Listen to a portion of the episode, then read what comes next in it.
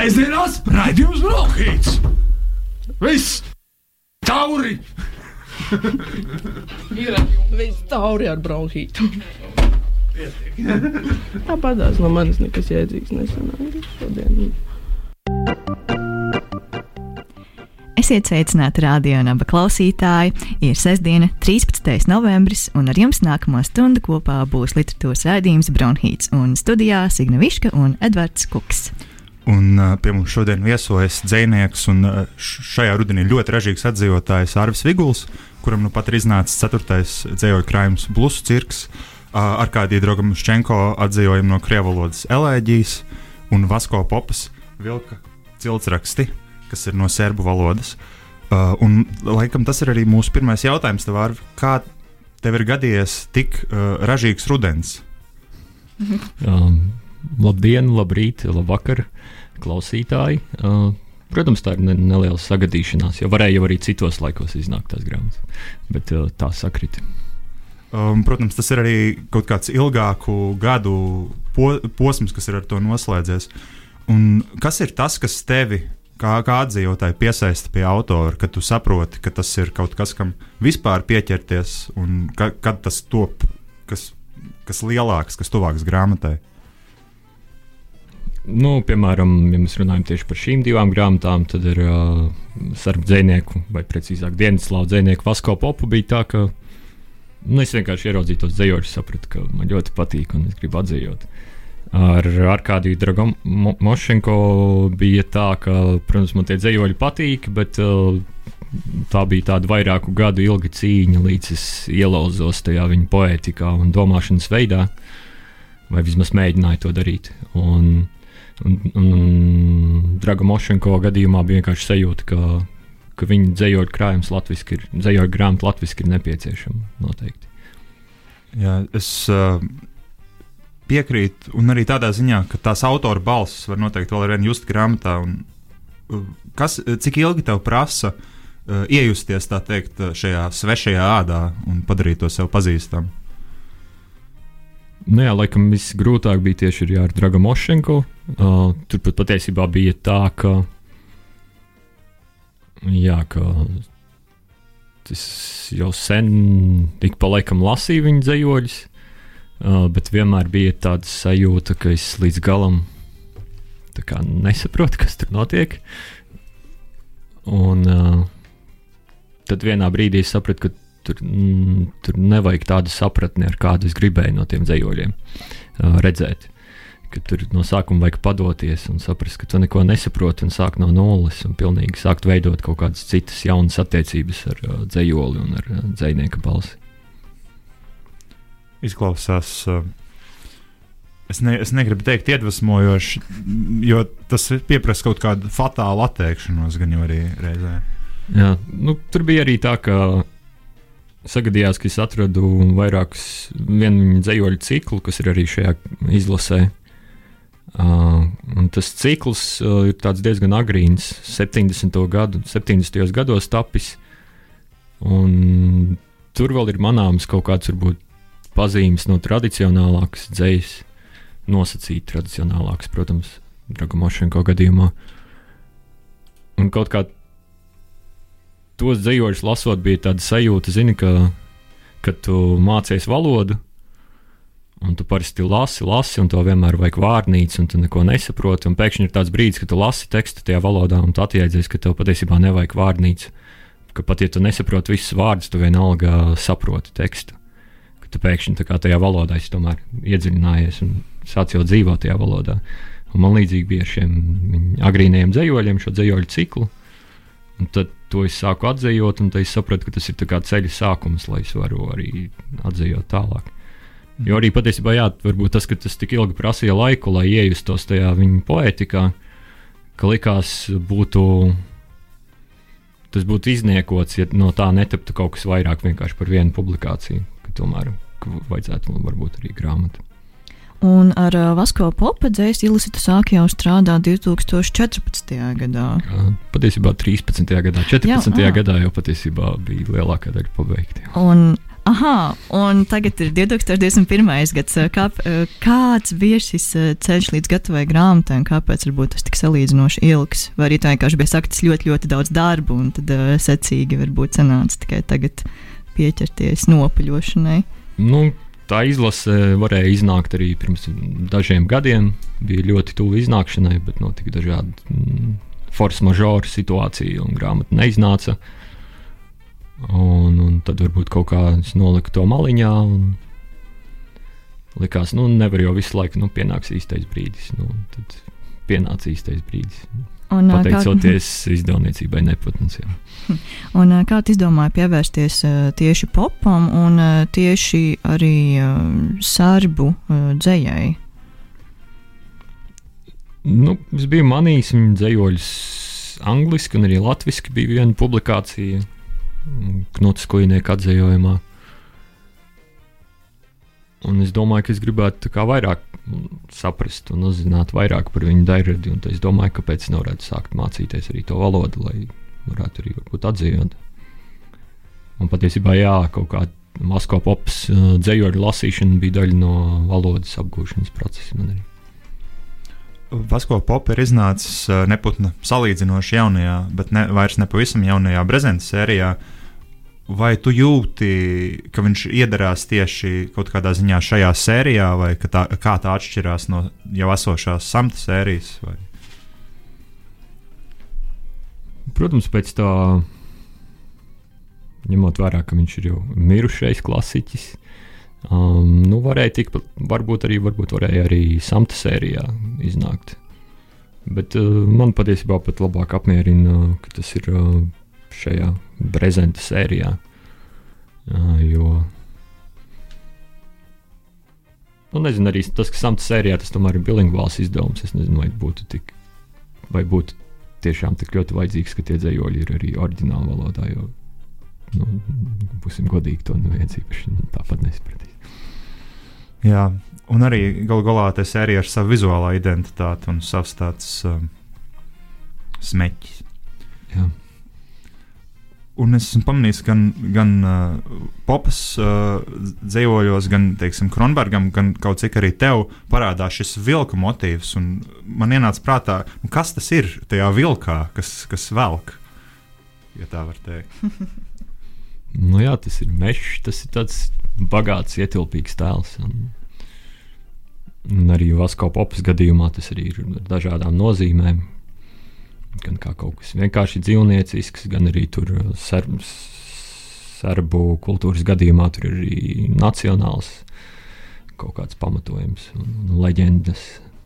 Jā, šajā gadījumā, popas gadījumā, viņš neraksta gluži tik daudz par sevi kā vilku. Tur ir veltījumi dažādiem vilkiem. Jā, jā tieši tā. Jā. Tur, piemēram, tur ir arī tas vilks ir arī tādā vēsturiski reliģiozā nozīmē.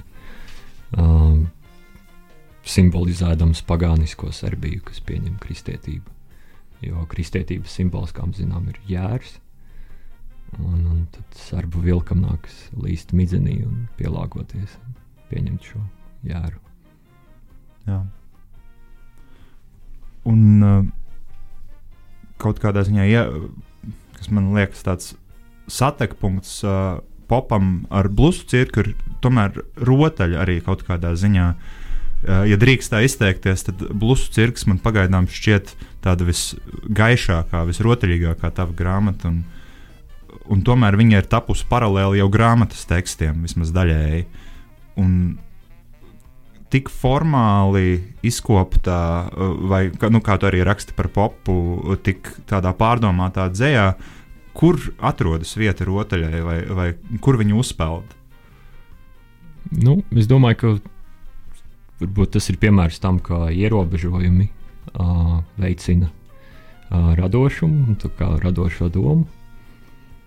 Piemēram, nu, labi, glaznai tas ir piemēram rāmis, tev tajā rāmī ir jāstrādā. Un, no vienas puses tas varētu likties māksliniekam ierobežojoši, bet patiesībā tas veicina atrast kaut kādus ceļus apkārt. Un, varbūt tas, tas savā ziņā šeit nospēlēja savu lomu šajā rotaļā. Jā. Jā, un arī grāmatas noformējums ir rotaļīgs, jo pirmkārt vāks ir astoņās krāsās. Tas ir speciāli, vai arī vienkārši varbūt tipogrāfijā nebija tik daudz uh, vienas krāsas uh, to mm, audumu. Es nezinu, kā to nosaukt. Tas tā bija, labi, protams, mākslinieka Armāna Zelča ideja. Un tas ir tieši kā norādīts grāmatas kā pasē, ka vāks kāds bija noliktavā. Un tā ideja bija tāda, nevis pasūtīt speciāli vāka materiālu, bet izmantot tos materiālus, kas ir uh, tipogrāfijas noliktavā palikuši no citiem projektiem, palikuši pāri vienkārši. Un tad sagadījās, ka šīs bija tās astoņas krāsas. Es arī nezinu, vai kādas ir tās proporcijas, cik daudz ir kurā krāsā, vai tās ir vienādā skaitā, vai tomēr tur atšķirās, un kādu krāsu ir vairāk nekā to es nezināšu. Jā, tā arī vienmēr arī ir mazliet rotļi, to aizies neputnu un jāmalo dzārju viglu blūzi. Ir kā, kādā krāsā jums, un tas ļoti piemīlīgi arī. Mums, darbie klausītāji, piemēram, starp trim cilvēkiem ir trīs krāsās savstarpēji. Mums ir, varētu teikt, pel pelēka, brūna, oranža un gaiša rozā. Un es redzēju, Twitterī, uh, kā kāda sieviete pasūta blusu cirku un uzraksta, apgādes neputns, lūdzu, ne oranžu. Jā, es Tā arī kā- redzēju, tāds no šņuka, kāpēc diskriminē oranžo krāsu. Teiksim, gan mana, mana mamma, gan uh, sievas māte abas izvēlējās oranžu. Un, ja es pareizi saprotu, Valters Dakšs izvēlējās visas. nu, jā, tur ir tāda. Loģiski. Tur ir tāda nedaudz parādās tāda uh, kolekcionāra mm. Tāda lieta, jo es arī no saviem autora eksemplāriem man nācās atstāt astoņus, jo es gribu, lai man ir visas krāsas pašam arī. Un tad ir tāda sajūta, jā, kā arī to mm, mākslinieks Armāns Zelčs uh, noformulēja, ka, ja tev ir tikai viena krāsa, ir tāds sajūta, ka tev tomēr nav tās grāmatas, ka tev kaut kā pietrūkst to līdz galam, lai būtu tā grāmata. Jā, bet um, kas um, bija tas brīdis, kurā tu saprati, ka, š, ka šis būs kaut kas atsevišķs, ka šis uh, ka, ka top ceturtais uh, kaut kas? Tas pat sākās ar um, dažiem dzējoļiem, kas, manuprāt, pat varbūt beigās pat nenonāca. Vai nonāca grāmatā pavisam citā, citā formā un jau pārveidoti. Bet tas bija dzējoļu cikls, kas sākās no operā. No operām. Nē, nē, tas bija tepat operas namā. Un es neatceros, vai tas bija balets vai opera, bet tas bija pēra ginta iestudējums. Uh, un uh, tur bija kaut kāds tēls, tur bija briedis, kas skrien. Un, un, un tur bija briedim, tāda ragu vietā, bija vienkārši rokas saliktas. Tā- Jā, tiešām blusu cirkā ir ļoti daudz uh, šādu metamorfožu, šādu. Ko es tādu pateicu? Tu neko nepateici par to smējos. Es ļoti vizualizēju, ka briedim ā, ragu vietā rokas. Un, jā, turpini. Lai vai kā. Es atceros uh, tajā brīdī, kad iznāca pirmā publikācija, un es neatceros, kur tā bija, vai punktumā, vai storī, bet uh, tā bija viena no metamorfozēm, no, ja, ja nemaldos. Uh, tad tajā brīdī man jau likās, o, vai Arvis raksta bērniem? uh, jo tur bija tik daudz tādu it kā pazīstamu, bet tomēr uh, cit, citādu brīžu. Varbūt tā bija nedaudz tā doma, tāda, ka tā ir. Tas būtu, kad tu sāc skatīties kaut kādu, nezinu, piemēram, animācijas filmu, un tā ir tāda krāsaina, un tur kaut kāda dzīvnieciņa. Un tev tā kā sākumā liekas, ka tas ir bērniem, un pēkšņi sāk notikt kaut kādas jocīgas uh, lietas, kas tu saproti, nē, tas patiesībā nav bērniem domāts. Ka tā ir tāda tā kā animācijas filma, kur izstāsta, kā veidota bērniem, bet kurā kaut kas ir šausmīgi nogājis greizi, kurā pēkšņi ienāk iekšā kaut kāds Davids Linčs, piemēram. Bija kaut kāda uh, animācijas sērija YouTube, kuras neatceros, kurai kaut kas tāds notika pakāpeniski ar katru sēriju. Uh, un, protams, uzreiz nāk prātā arī korelāna. Jā, es tieši gribēju teikt, Korelīna, ka Dievs ā, pogas acu vieta. Un, nē. Uz uh, šī uh, briesmu un šausmu brīža. Mums o- jau domāju- otrā nedēļa pēc kārtas ir kaut kas šausmīgs raidījumā. Pieminēts šausmīgs. Nu, bet tāpat kā dzīvē. Jā. Uz šo šausmu nots ir laiks, uh, manuprāt, mazai muzikālai pauzītē. Sēžamās raidījums Brokhīts! Viss! Tauri! Ir viss tauri ar bronhītu. Tāpat tās no manis nekas jēdzīgs nesanāca šodien. Zāģa kungs. Kādu rītu pamodies, viņš saprata, ka patiesībā visu mūžu gribējis būt par zāģi un neko citu. Viņš nolēma sekot savam sapnim. Kopš šīs dienas sauciet mani par zāģa kungu. Zāģa kungs paziņoja pasaulē. Ko tur slēpt? Vienmēr esmu jutis dziļi sevī mazus, asus zobiņus.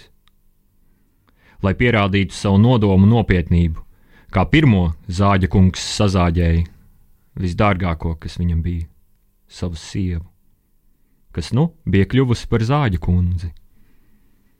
Tu mani vairs nemīli, viņa teica, kamēr kāda viņas daļa raudāja, bet kāda cita jau vāva kurpi, lai ietu projām no zāģa kunga. Aiz dusmām zāģa kungs pārzāģēja uz pusēm savu darba galdu. Tagad tas bija kā divi krēsli, tikai uz divām kājām un salauzti. Salauzti kā zāģa kunga metāliskā sirds. Aiz bēdām viņš zāģēja un zāģēja visu, kas par rokai, līdz viss, kas par rokai, viņa dzīve, visa pasaule bija salauzts. Kā pēdējo zāģa kungs sazāģēja pats sevi, un viņi paši aizklīda, kur kurais, katrs uz savu pusi. Nu viss, kas ir palicis, tas ir nekas, karājas tukšuma viducī, kā lustra, ko aizmirsuši izslēgt, steigšus pamestā mājām.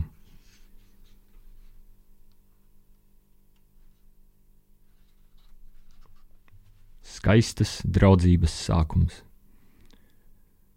Uz balkona bija nokritis čiekurs. Es ienesu to istabā un maigi noguldīju uz rakstām galda. Tagad tas ir mans draugs. Es gribēju dot tam vārdu, bet sapratu, ka nevēlos to cilvēciskot. Es gribu, lai tas saglabā savu čiekurisko būtību. Tādēļ es to nosaucu par čiekuru. Es gribētu paturēt to plaukstā un saudzīgi apmīļot, taču baidos savainot. Čiekurs nav tik skaists kā brāļa eglē. Čiekurs ir izkaltis, apbiris un trausls radījums. Esmu atradis līdzvērtīgu draugu.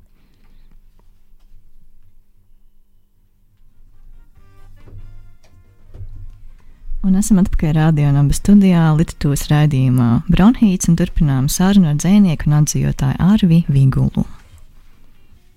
Un uh, tikko mēs dzirdējām divus uh, dzējoļus no Arvija jaunākā un ceturtā dzējoļu krājuma blusu cirks, kas ir nācis klajā apgādā neputns.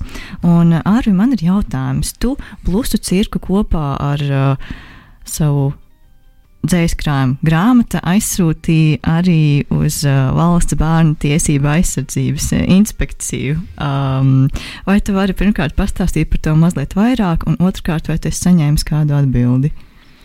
Nu jā, tā tad pēc viss bija tāds gadījums, kad sanāca, ka valsts bērnu tiesību aizsardzības inspekcija bija vērtējusi kādu konkrētu mākslas darbu, kas bija pieejams uh, publiskajā vidē. Un man tas šķita, ka šādai bērnu tiesību aizsardzības iestādēji tas nav viņu uzdevums vērtēt mākslas darbus.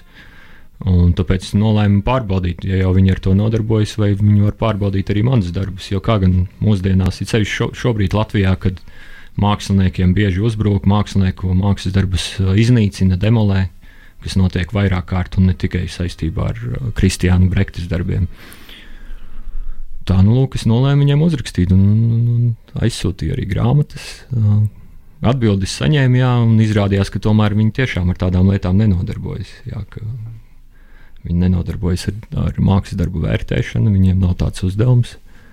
Protams, paliek jautājums, kāpēc viņi dažus mākslas darbus izvēlās vērtēt, un dažus tomēr nevērtēt. Bet, nu, es vismaz ceru, ka no tā ir, ka vismaz teikt, viņiem būs standartizēta atbilde, un ja kāds cits arī izdomās, ka viņi tomēr paziņos, ka viņi ar to nenodarbojas. Varbūt kāds, kāds labums. Bet grāmatas viņa paturēja, varbūt viņi tomēr pakluso novērtēs.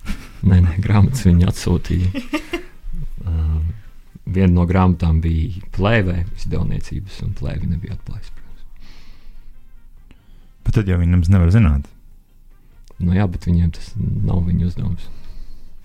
Bet, uh, vai tev, pa, tev pašam ir svarīgi, vai, teiksim, vai tavs saturs, nu, neteiksim, saturs, vai tas, ko tu dari, kādam ir vai nav piemērots? Nerunājot par bērniem, piemēram, tas pats Dragomošķenko, vai, ir, vai tev ir svarīgi, kam viņš ir piemērots? Es domāju, ka Dragomošenko gadījumā pat ne bērni, tur var būt arī pieaugušie, ka viņi vienkārši, vienkārši nereģistrē tādu veidu valodu kā tādu vispār. Tas viņiem ir vienkārši liels mulsums. Un arī vispār arī dzēja vienkārši kā tāda, cik es zinu, uzstājoties arī skolās, tu vienkārši redzi, ka tu tur varētu lasīt, nu, tajos dzējoļos varētu būt jebkas, tas vienalga ir tiem cilvēkiem publikā kaut kāda neierasta, neparasta pieredze, ko viņi pat īsti neprot ielikt kaut kādā plauktiņā. Tāpēc īsti nu, piemērots nu, pat grūti saprast, cilvēks pat nevarētu saprast, vai viņam tas ir piemērots vai nē. Lūk, lūk, un tas jau ir tik bīstami. Ko cilvēks iesāks ar kaut ko, ko viņš nevar pataisno ielikt kaut kādā kastītē? Nu jā, tas, protams, ir tāds. Man, piemēram, patīk lietas, ko es līdz galam nesaprotu reizēm, un ko es nevaru ielikt kastītē. Man tieši tāda mākslas darba reizēm ir, man, manuprāt, man liekas, visforšākie. Nevis, ka man iebaro ar karotīti un pasaka, tas labs, tas slikts. Es neatceros, vai tas bija to vai kāds cits, bet pirms kādiem gadiem es, uh, man liekas, ka tā, tā bija, manuprāt, Anita Konsta, kas rakstīja Slēdz Satoriju par uh, latviešu literatūru un tās atbalstīšanu. Un viena no lietām, ko viņa teica, bija aiciniet vienkārši dzīvniekus nākt uz skolām un runāt. Uh, nu, tomēr iepazīstināt. Vai tev ir bijušas arī kaut kādas, teiksim, labās pieredzes, ne jau ka saproti, bet ka kādam iemirdzis acis? Nu, jā, reizēm, protams, gadās. Laikam viss vispilgtākais atceros, ka tas, tas jau bija pirms, nezinu, varbūt pat pirms desmit gadiem. Bet es lasīju kādā, ne Rīgā, tā bija kāda profesionālā vidusskola. Un tur, nu, tur nebija tā klase arī liela. Tur bija daži puiši sēdēji, un es viņiem lasu tos zemoļus. Nu, skaidrs, ka viņiem nu, viņi nereģistrē vienkārši. Viņiem tas ir kaut kāda abrakadabra, kaut kas tāds. un es redzu, kā, nu, ka viņiem tā kā vienalga, man jau arī tā kā, nu, zina, tā kā, bet, nu, labi, man tas ir jāizdara. Bet, nē, beigās viens no tiem čaļiem man uzrakstīja un teica, ka ļoti paticis esot patiesībā. Un vēlāk viņu pat satiku, viņš, viņš jau bija kā, paudzies un spēlēja grupā kopā ar vienu dzinieku. un uh, arī blusu cirkā ir uh, parādās dažos dzējoļos uh, skolas gaitas un, un uh, teiksim, tā jaunības dienu pārmetumi, kur bija arī tiešām brīnišķīgajā 20. gada satorija uh, avīzē, kas, kas arī bija lielā mērā par skolu. Uh, mans jautājums, pirmais to visu lasot, bija negluži vai tiešām bija tik traki, bet uh, kā Kā tu izdomāji par to, par to rakstīt, principā adresējot tiem cilvēkiem? Tiem cilvēkiem, kuri pēc šī teksta spriežot, gan jau nemaz nelasīs to dzēju kaut kādā ziņā. Kādā jēga adresēt tam, kurš nelasīs? Bet nu, es jau tādu neadresēju tā tieši tā kā ka jums ir direktora kungs vai kā. Un turklāt tas direktora kungs, par kuru ir runa dzējolī, vairs nav starp dzīvojumiem. Jā, bet ir interesanti, kāpēc tā pēkšņi es atcerējos kaut kādas tādas lietas. Bet uh, patiesībā blusts ir kā daudz tādas lietas, kas ir. Nu, varētu teikt, ka tā ir tāda visabsurdākā mana grāmata, bet patiesībā ļoti daudz tās absurdākās lietas, kas tur nāk, nāk patiesībā no kaut kādas reālas dzīves, kas ir reāli noticis. patiesībā, kas vienmēr ir jocīgi. Manuprāt, absurdākais teksts, protams, ir uh, par Arvu Vigulu un Jānu Tomašu. Tas ir pilnībā arī nāk no, no realitātes. Jā. jā, jā, es atceros, mums bija par to sarunu kaut kad pirms kaut kādiem gadiem. Um, bet uh, es nezinu, vai ir vērts tagad ēterā gluži izstāstīt šo situāciju. Es negribu gluži no, no, nozagt kādam šo dzīvoju lasīšanas prieku, bet, uh, kā saka, realitāte ir mazliet trakāka par izdomu. Jā, tam viennozīmīgi var piekrist. Un es nedaudz vēlētos atkal pievērsties Vaskau popam un tieši sarbu kultūrai, mitoloģijai un folklorai, jo tas ir uh, diezgan. uh, Tā ir interesanta tēma, un man ir jautājums, vai pirms uh, Vasko popas lasīšanas tu biji tik ļoti pietuvināts tam visam, cik daudz tu vispār uh, zināji par uh, serbu mitoloģiju, un tur arī grāmatas priekšvārdā mazliet ieskicē, uh, ka serbiem varbūt ir mazliet citādākas attiecības ar nāvi un attieksmi pret to. Nu, tas arī nāca patiesībā, jā, lai, lai saprastu, varbūt labāk Vasko popu un to fonu. Un arī reizē mācoties valodu, tas jau vienmēr nāk līdzi kaut kāds tas fons, ko labi zināt, kaut kādas atsauces, kultūra atsauces, kas valda tajā kultūrā. Kas bija tas, kas tev varbūt pārsteidza tajā visā? Hmm.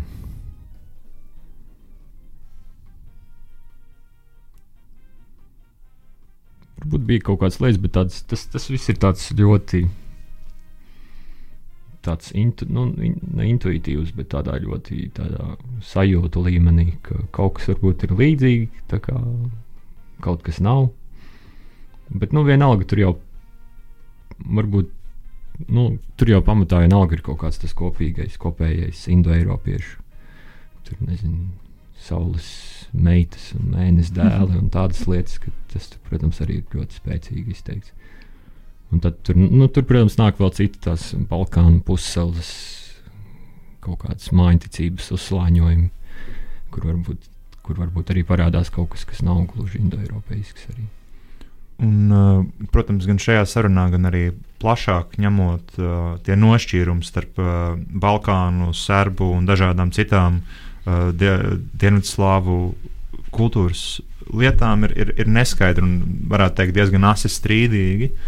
Un, un kā tev ir strādājot ar šo valodu, šīm valodām, uh, vai ir kaut kādi brīži, kur tu pieķer sev šī mm, reprezentācijas jautājuma priekšā, šie jautājumi priekšā, kas ir, hmm, vai es viņu padaru par serbu, vai es viņu paturu kaut kā plašāk, vai, vai tas ir kaut kāds lēmums, kur, kur priekšā tev jālauz galva. Nu, Basko popas gadījumā ir tā, ka, godīgi sakot, vis, vispareizāk būtu viņu saukt par nevis par serbu, bet par dienvidslāvu rakstnieku, dzinieku. Jo viņš nomira tieši pirms, dažus mēnešus pirms sadalīšanas, pirms sākās kaut kāda sadalīšanās. Un tāpēc vēl savā dzīves laikā viņš noteikti teikt, ka viņš pirmkārt ir dienvidslāvu dzinieks. Un otrkārt, uh, viņa vārds un uzvārds nemaz nav uh, pat ne slāvu. Viņam ir uh, etniskās saknes, ungāru etniskā, ne ungāru, bet uh, rumāņu etniskās saknes. Uh, jo viņš nāk no tāda vēsturiskā rajona, kas šobrīd ir sadalīts starp Ungāriju, Serbiju un Rumāniju, Banata. Kas ir etniski vienmēr bijis ļoti daudzveidīgs reģions, kur ir arī dzīvojuši arī vācieši, protams, romu tautas, tautības pārstāvji. Un, un, un tāds liels tāds etniskais katls patiesībā. Un viņa gadījumā viņš varēja arī patiesībā kļūt par rumāņu dzinieku. Jā, tas ir tas, ko mēs varbūt reizēm aizmirstam, runāt, runājot par visādām nacionālām literatūrām un identitātēm, ka Eiropa patiesībā ļoti ilgu laiku nav bijusi tik nošķirta, tik izteikti nacionalizēta, kā tā ir tagad. Un, uh, reizēm rodas sajūta, ka mēs, ja ne gluži kaut ko zaudējam, tagad, tad mēs kaut ko vismaz palaidām garām, to, to nepieminēdam. Jā, bet atgriežoties pie Vasko papas, jā, nu, bet no otras puses, kāpēc viņi tomēr var teikt, ka viņš ir serbu dzinieks, tādēļ, ka nu, daudz ko tajā visā nozīmē arī reliģiskā piedarība, un viņš bija pareizticīgais. Un viņš ir arī apglabāts Belgradā un pēc vēl pie tam serbu pareizticīgās baznīcas rituāliem. Un arī viņa mantojumu pārvalda Serbijas Zinātņu mākslas akadēmija. Uh, in, ne akadēmija, bet um, institūts. Mm -hmm.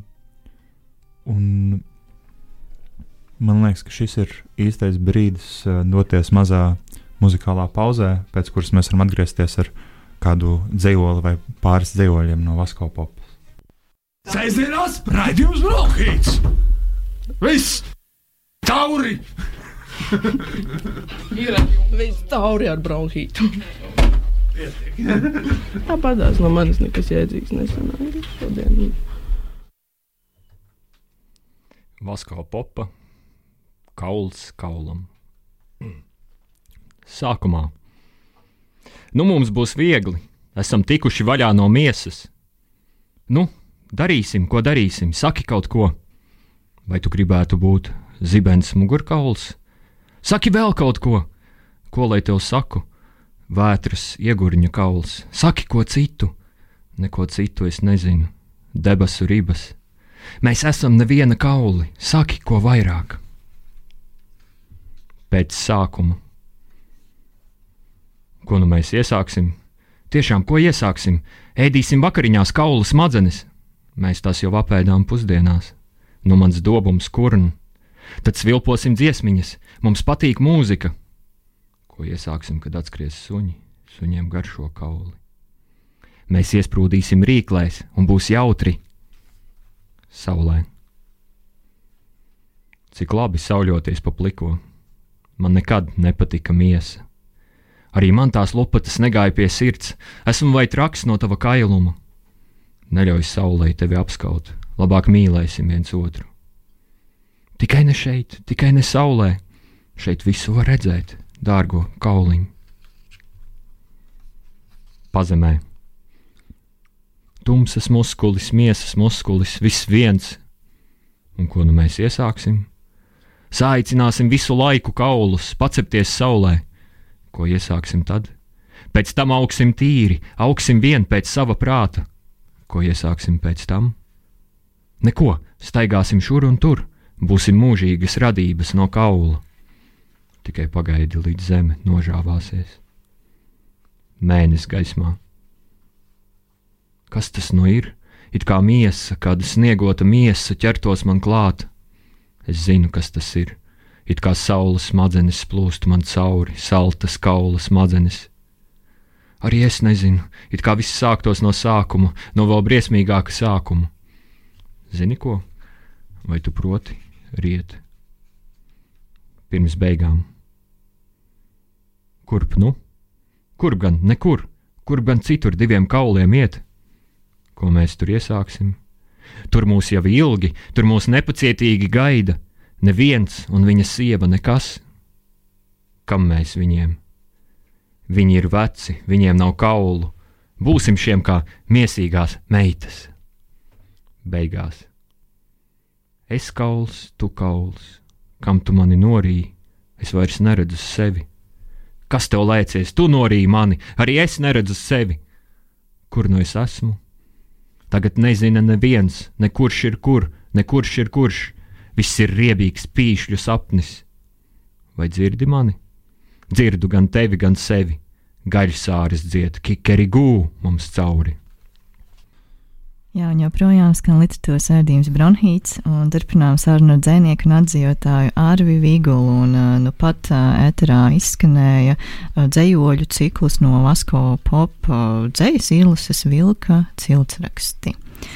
Un uh, Es gribēju padalīties ar pirmo iespēju par šo izlasi, jo, kad es iegādājos jaunu dzīslu krājumu, vienmēr atveru un izlasu pirmo rindiņu, kas man kā, iekrīt acīs, un šajā gadījumā tā bija Vācijas, vienkārši Vācijas. jā, tas tas. ļoti viesmīlīgi un jauki, bet jā, tas arī patiesībā man šķiet, ka ļoti daudzi dzējošajā krājumā ir tādi skarbi nu, tādi, nu, tiešām kā, nu, jā, vilka cilts raksti, nu, kā, labi. Ļoti acīm redzams secinājums. Bet, uh, un šajā raidījumā, pirms mēs pievēršamies uh, um, elēģijām, vēl jautājums par uh, dziesmu, kas nu pat skanēja ēterā, jo tu šodien izvēlies uh, rādījumu skaņu celiņu, un uh, cik, cik es saprotu, tu veidoji šo skaņdarbu? Mm, tas ir uh, apvienības spoku radio skaņdarbs ar manu tekstu un manu balsi. Bet tā ir ļoti tāda jēla demo versija, un es ceru, ka, ka kāds necieta no dzirdes, no traumējas dzirdi. Vai šis ir, varētu teikt, pirmais skaņojums? Jā, tas ir pirmais skaņojums. Jā. Un kas ir vēl ar tevi apvienībā spoku radio? Ļoti daudz dažādas ierīces. Arī radio? Uh, ir iespējams arī uztvert radio viņus. Jā. Mēs uh, dziesmas laikā izskanēja frāze, tu vēl par šo atbildēsi. Tad nu, es atbildu. Jā, un vai tev ir uh, padomā? Proti, jautājums man rodas, vai tev ir padomā albums, vai tev ir padomā kas, kas vairāk? Vai mēs varam gaidīt Arviju Vigula debijas albumu? Nē, es domāju, ka nē. Es ceru, ka es nebūšu tik stulbs. Bet to mēs vēl redzēsim. Um, laikam mums arī ir jāpāriet mazliet uz elēģiem. Un, un uh, viens no jautājumiem, kas manī reizēm pārņem, lasot autorus, kuriem ir uh, sava plaša, teiksim, poēt, poētiskā sistēma vai kaut kāda balss, ir doma, kā gan mēs varam paspēt visu jau esošo apgūt un vēl reizē apgūt kaut ko citu. Tāda sajūta ir, ka mēs visu laiku piedzenam vēsturē. Uh, Kā tu par to jūties? Kā tu jūties par to, to atzīves, piedzīšanas darbu? Nu, no vienas puses ir kaut kāds mm, profesionālisms, ka patiesībā to jābūt gatavam. Pat arī to, kas tev varbūt pašam neiet pie sirds. Un, bet no otras puses, protams, visu laiku kaut ko darīt. mm, Ja tur tev pašam nav piesieta sirsniņa iekšā, tad, eh, tad, protams, tas arī nav. Vienmēr arī tā nevar. Un es domāju, ka svarīgi ir šis līdzsvars. Bet kāds ir tas līdzsvars starp teiksim, jau esošiem un tādā vai citā, tādās vai citās aprindās atzītiem dižgariem un, un, un to sajūtu, ka ir jāatrod kaut kas jauns, kaut kas mazs, tas aizstāvamais autors? Jā, tas arī, protams, ir svarīgi. Vienmēr jau gribas atrast kaut ko. Ko gan reizēm sanāk nejauši, ka tev iepatīkās kādi dzējoļi, un tev liekas, ka ir forši, un varbūt atzējo. Bet, ka, piemēram, tajā konkrētajā valstī, no kurienes tas dzinieks nāk, varbūt viņš mums nav atzīts par, par starp labākajiem, vai vispār nav atzīts. Tas vienmēr ir jocīgi, ko, ko tajā kultūrā, no kuras autors nāk, uzskata, atzīst par labākiem viņa darbiem, un kas man pašam, piemēram, patīk. Un ļoti bieži tas nesakrīt nemaz. Es esmu dzirdējis, man liekas, ka tu biji tas, kurš to stāstīja par uh, šādu reakciju uz balāžu pilniem pagalmiem, uz, protams, uz šo turku dzīslu antoloģiju, ka paši turki nemaz iespējams šos pašus autors tik ļoti nezina. Vai, vai Sapratu, tur bija viens dzinieks, par kuru nobrīnījās. Tiešām viņš ir tajā antoloģijā, vai, vai pat apmēram, kurš tu viņu vispār vairs atcerās. Tā, bet, bet, jā, tas ir tas interesanti, protams. Bet, bet, Jā. Man iekrita acīs uh, no Andreja Levkina pēcvārda viens citāts par to pasauli vai par to kaut kādā ziņā vidi, kurā raksta Dragomošenko. Jo lieta ir tāda, pastāv valsts institūcijas, kas uztur kopējo procesu, uztur pārmantojamību starp autoriem, kuri savukārt iekļaujas valsts atbalstītajos un kontrolētajos trendos. Bet, kad valstisku normatīvu nav, institucionāļi pie, piedzīvo iedvesmas izsīkumu, viņi vairs nezina, ko un kā rakstīt. Un uh, ar to ir arī ietverta doma, proti, ka tie, kuri nav institucionāli, nepiedzīvo šādu izsīkumu. Un, uh, vai tu, strādājot ar Dragu Mošķenko dzēju, jūti šo nošķīrumu no kaut kādas akceptētās uh, lietas? Proti, nevis tikai kā kaut ko savu, kā savu balsi, bet kaut kādu tik, tik uh, izteiktu nošķīrumu no citas dzējas. nu, viņa gadījumā, piemēram, pat tas, ko mēs šobrīd mums, mēs tā kā varbūt nepievēršam uzmanību, tas, ka šie visi dzējoļi, tas ir verlibrs. Un tajā laikā, kad viņš sāka rakstīt, 70. gados, pat tajā, tajā skaitā pat tie neoficiālie dzinieki nemaz tik naski nerakstīja verlibrā. Un tas bija diezgan tāds, arī tāda interesanta lieta. Jo tāds sajūta, ka viņš rakstīja, lai kāds būtu laiks, viņš vienalga būtu rakstījis šādi, un ka tas nav. Es varētu teikt, ka varbūt ir, ir kaut kāda mākslas, kultūras, kultūras daļa, kas rodas reaģējot uz kaut kādu kontekstu, uz notikumiem, uz sociālo, politisko situāciju, vēsturiskiem notikumiem. Un tad ir kaut kāda mākslinieka, kur vienkārši uzrodas kā no kā, un viņi paši rada to savu kontekstu. Un tev liekas, nu, ka tu pasties, un ka īstenībā nu, tur arī Jefkins saka pēcvārdā, ka objektīvajā realitātē izskatās, ka nav nekāda iemesla, lai šāds dzinieks vai mākslinieks vispār rastos, bet viņš vienkārši uzrodas un viņš pats rada to savu pasauli un, un to kontekstu ap sevi. Un mm, Draga Mošinko, manuprāt, tieši tāds, tāds dzinieks. Jā. Vai tev šādas autoru biogrāfijas, īstās vai izdomātās, ir, ir svarīgas, vai tu viņas drīzāk piemeklē, tad, kad ir jāraksta nu, teiksim, par popu priekš, priekšvārds, vai tev viņas ir pašam nozīmīgas? Nu, kā jau tam nevajadzētu būt lielai nozīmei. Nav tādas uh, zinkāras par otru virtuvi. Nē, nu, protams, ziņkāri ir, bet, uh, bet es nezinu, vai tas vienmēr ir pats svarīgākais. Nu, teiksim, ar Vasko popu skatījumā tur arī nekā īpaši interesanti nav. teiksim, godīgi. Kas pats par sevi var būt interesanti. Jā, protams, jā. jā. Ne, nu, tā tur raksta par to, viņa, nu, ka viņam ir faktiski šī laimīgā kopdzīve, ilgā, nu, cik mums no ārpuses manāms laimīgā un šie drūmē, drūmē dzīvoja. Līdzsvars. Jā, bet ir jautājums, vai viņš pats to dzējoļus uztvēra kā drūmus. Man liekas, ka nē, ka viņam vienkārši tāda domāšana. Ja teiksim, arī par maniem dzējoļiem ir, ir kur saka cilvēks, ka tur, nu, tur tā, tas dzējolis gan tāds drūms. Man tas neliekas drūms. Man liekas, nu, jā, tā ir tāda varbūt kaut kāda mans stils vai kas, bet nu, man tas neliekas kaut kā drūmi. Bet no otras puses, nu, es nezinu, piemēram, uh, pagājušajā nedēļas nogalē viņš bija tāds saskumis, un es domāju, ko, ko darīt. Es jāpastāsta Kiris Murātovs kādu filmu, kas ir tāda parasti ne, ne, ne tāda cilvēka, parasti saka, tās ir ļoti šausmīgas, drūmas filmas. Bet es skatījos, un man tas uzlaboja garstāvokli. Un nevis man uzlaboja garstāvokli tās cilvēku ciešanas, ko viņi atveidoja, bet tieši tas, ka lūk, no šādām ciešanām un no tādas dzīves bezjēdzības var arī kaut kādu skaistu mākslu darbu radīt. Un runājot par skaistiem mākslas darbiem, varbūt beidzot ir laiks paklausīties kaut ko no elēģijām. Raidījuma gandrīz izskaņā. Debesu un zemes sals vēja zenītā, kas stāvi krīt pretī redzoklim, redzoklim, ainavas burtā uzlidojušam, burtiskam putnam. Sals to ietērpj vērīguma bruņās, attālināšanās tirkīzā, augstumu šķipsnās, un tad somu purvu adatās stāvošais redz. Mēnesis uzkāpj virs līča, kā virs taro folijas. Putns redz trajektoriju, iespējas, izraugās, pārvietojas no citas uz citu. Mums tas zināms, mums gana. Punktējums šķērso dienvidu ziemeļu leņķus. Putns nojauš, ka tam ir vārds, tas ierakstīts vārnīcās un debesu aizputinātās. Tā nozīmes kupenās mirts skeletu arfas kā viedi akmeņi, kad tuvojies tekošam ūdenim no rīta, izgrābdams pelnus no krāsnes, izbērdams tos aiz šķūņa sniegā, tu secīgi atkārto daudzas vienkāršas lietas.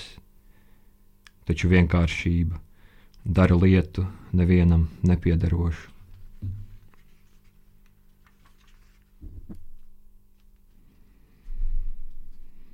Dažādas mēdz būt landscapes, dažādas vīzes, telefons, zvani, vējrāža bize, matu pinums un viss aiz muguras vai asmens.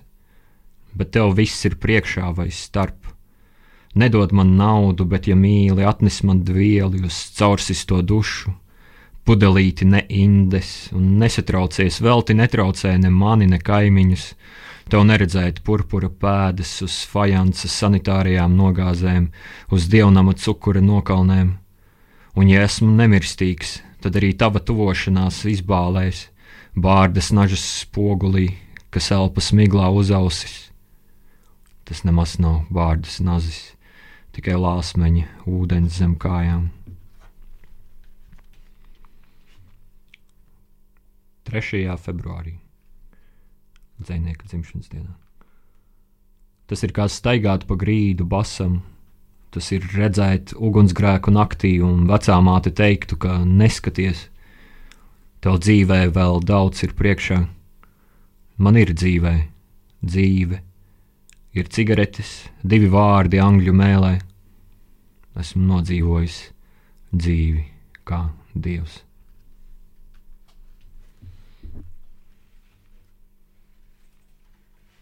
Darbie klausītāji, šodien ar jums bija Signa Viška, Edvards Kuks un mūsu viesis, dzinējs un atdzīvotājs Ārvis Viguls. Paldies! Paldies jums par uh, ausīm šajā vēsajā, drūmajā novembra dienā. Un uz sadzirdēšanos pēc divām nedēļām. Uz sadzirdēšanos, draugi!